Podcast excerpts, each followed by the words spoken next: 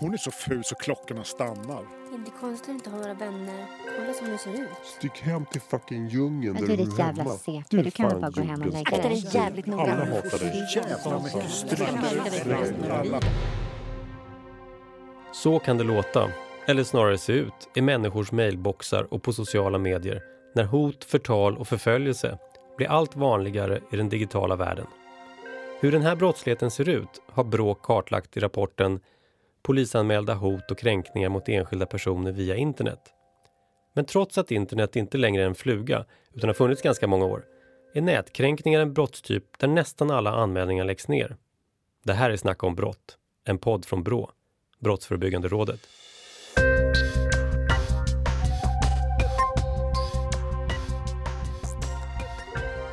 Ordet lättkränkt har blivit ett skällsord idag. Men för rättsväsendet kan man säga att ordet har en helt annan innebörd. Det är lätt att kränka och komma undan med det. I Brås rapport har utredarna Kerstin Nylander Hedqvist, Frida Andersson och David Shannon gått igenom drygt 700 polisanmälningar från 2012. De polisanmälningar som granskats omfattar olaga hot, ofredande, grov fridskränkning, grov kvinnofridskränkning, olaga förföljelse, förtal och förolämpning. Men vilka är det som utsätts för hot och kränkningar via nätet? Två av författarna till rapporten, Kerstin Nylander Hedqvist och Frida Andersson, berättar om hur den här brottsligheten ser ut. Så här säger Frida Andersson.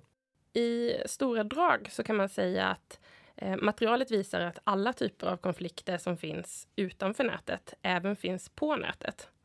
Och det är ju inte så konstigt eftersom eh, nätet idag är en viktig arena för många olika typer av möten mellan människor. Och det är också ett viktigt forum för att kunna uttrycka sina åsikter eller för att delta i debatter av olika slag.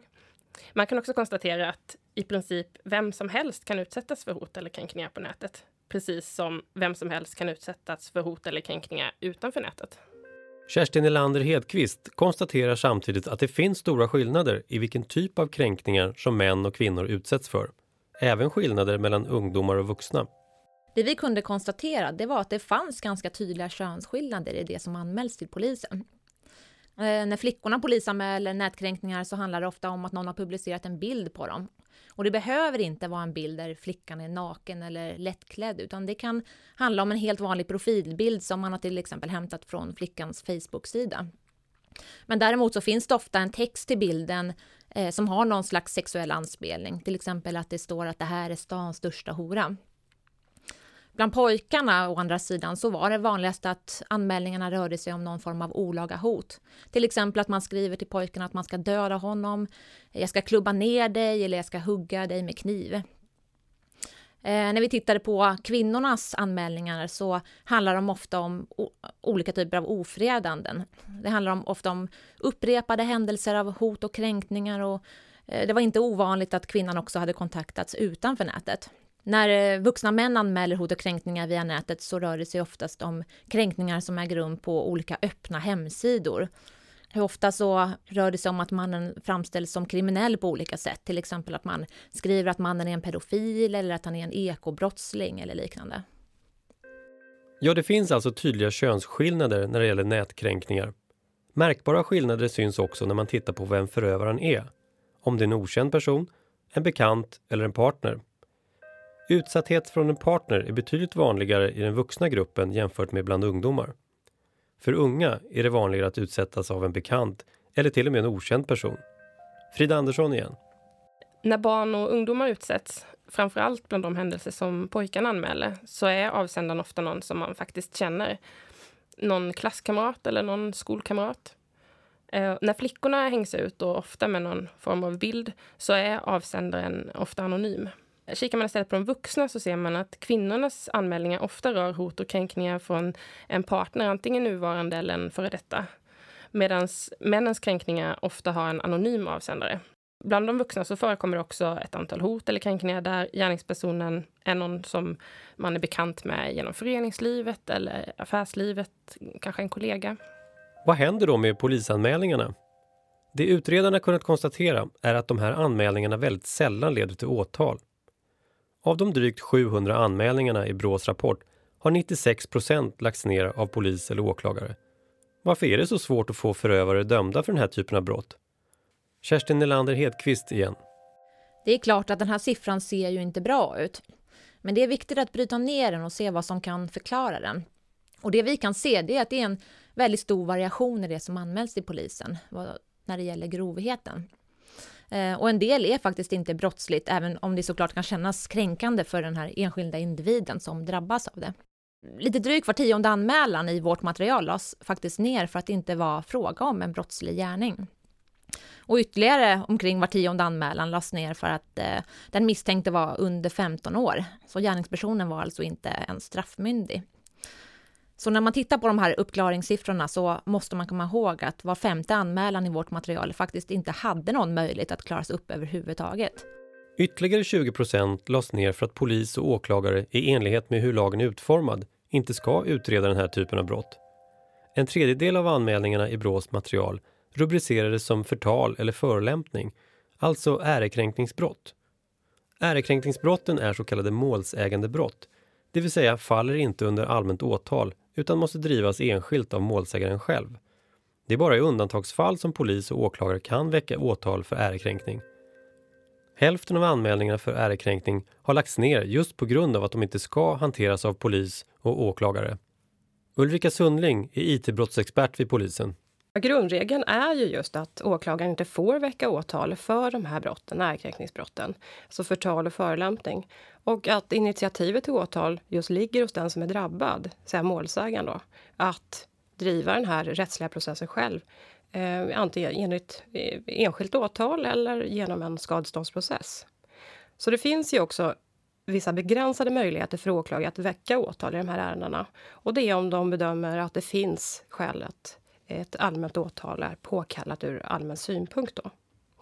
Och här är det viktigt att vi polisen tidigt i anmälningsupptagningen redan identifierar om det är de här kategorierna av brott. Just för att man ska kunna ha en dialog tidigt med åklagaren och att man också ska kunna ge en snabb återkoppling till målsägaren om kanske att driva ett enskilt åtal. En annan initial åtgärd som är viktigt att hitta tidigt det är också att identifiera om det kanske är till och med så att man behöver titta på om det är brott mot personuppgiftslagen. Ja, vi har konstaterat att väldigt få anmälningar om hot och hat på nätet leder till åtal och personuppklaring.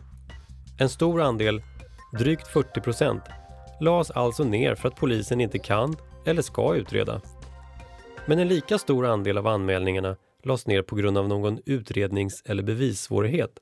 Här borde det finnas utrymme för förbättringar. Så hur ska polis och åklagare arbeta med den här typen av brott? Och vad kan man göra för att öka uppklaringen?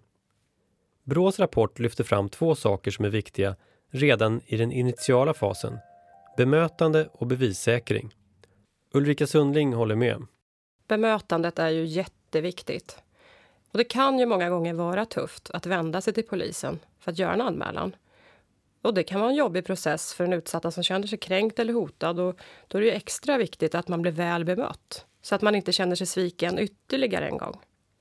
Om det till exempel handlar just om ett ärekränkningsbrott så är det viktigt att målsägaren också får beskrivet vad det här innebär. Att man redan vid anmälningstillfället förklarar att det här, nu kommer det göras en bedömning och det här brottet ser ut så här. Och hur ärendet också kommer att hanteras. Och om ärendet läggs ner, att målsägaren också får beskrivet hur man själv kan gå vidare med de här ärendena genom att väcka ett enskilt åtal eller att driva igenom en civilrättslig process. Då. När det gäller bevissäkring menar Ulrika Sundling att det är viktigt att säkra bevis så snabbt som möjligt. Här finns inget DNA som kan hittas efter många år.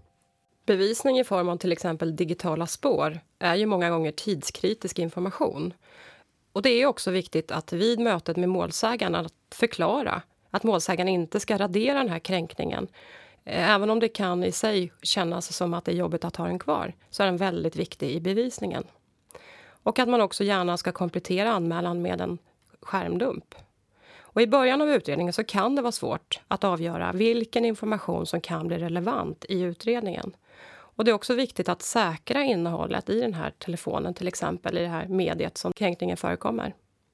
Och sen senare då, under utredningen så har man tid på att titta på vad är det exakt man behöver i den här specifika utredningen. Initial bevissäkring i IT-miljö och fortsatta beslut om utredningsåtgärder förutsätter att rättsväsendet har tillräckligt med kunskap för att hantera den här typen av brott. Enligt de poliser och åklagare som Brå träffade under sitt arbete med kartläggningen så finns det stora brister i IT-kompetensen inom rättsväsendet. Ulrika Sundling håller med och poängterar att det behövs mer resurser för att utreda kränkningsbrotten på nätet. Den generellt låga IT-kompetensen hos polisen leder ju faktiskt till bland annat att man faktiskt riskerar att lägga ner ärenden i onödan. Och det kan ju handla om att förundersökningsledaren inte har tillräckligt god kunskap om vilka utredningsåtgärder som är möjliga i de här ärendena. Det kan handla om att förundersökningsledaren tidigare ska kunna identifiera vad som faktiskt är sån bevisning som är viktigt att säkra tidigt. Till exempel IP-nummer. Och också veta vad är möjligt att gå vidare med för bevisning.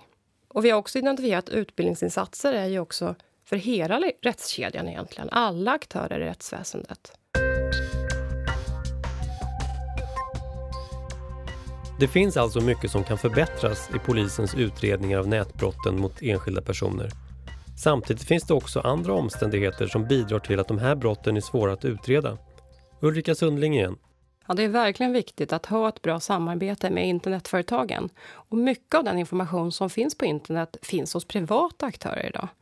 Och där är det jätteviktigt, och det vill jag verkligen slå ett slag för, att man tar hjälp, den hjälp som finns och inte behöver sitta själv på sin kammare och uppfinna hjulet igen. Utan att man faktiskt använder den resurs som finns på nationella operativa avdelningen nationella IT-brottscentrumet. Där man faktiskt sitter och tittar på vad är möjligt att göra och vilka kanaler har vi byggt upp. Till exempel så har man etablerat jättebra kontakt med Facebook och Instagram där man har en jättebra dialog och där man kan vara till stor hjälp för vad är möjligt att göra i mitt ärende. Enligt de poliser och åklagare som Brå intervjuade i arbetet med rapporten så kan en del av förklaringen till den låga uppklaringen kopplas till lagstiftningen på området, som till viss del är ålderdomlig. Idag pågår en utredning som ska se över det straffrättsliga skyddet för den personliga integriteten. Utredningen ska vara färdig den 31 januari 2016.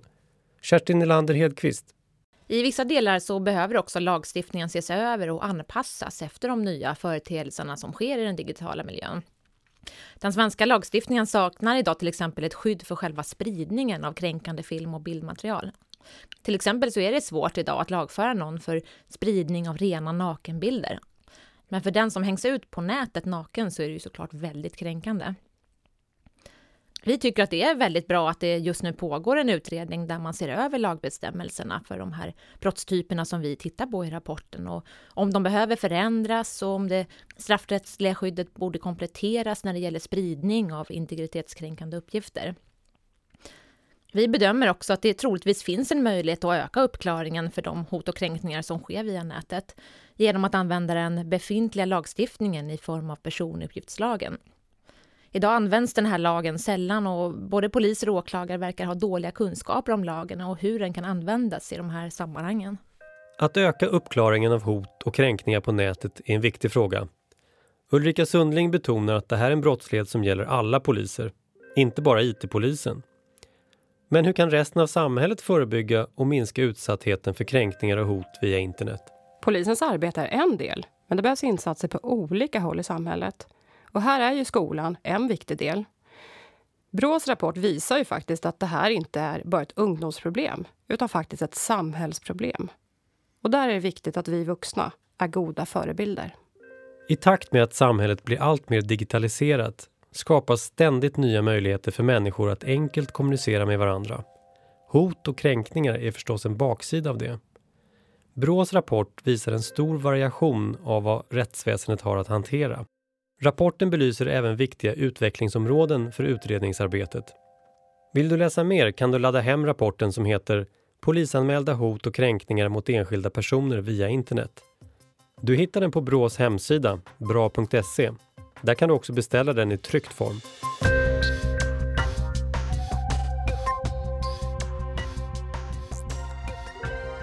Du hörde Frida Andersson och Kerstin Nylander Hedqvist, båda utredare på Brå och Ulrika Sundling, IT-brottsexpert vid polisen.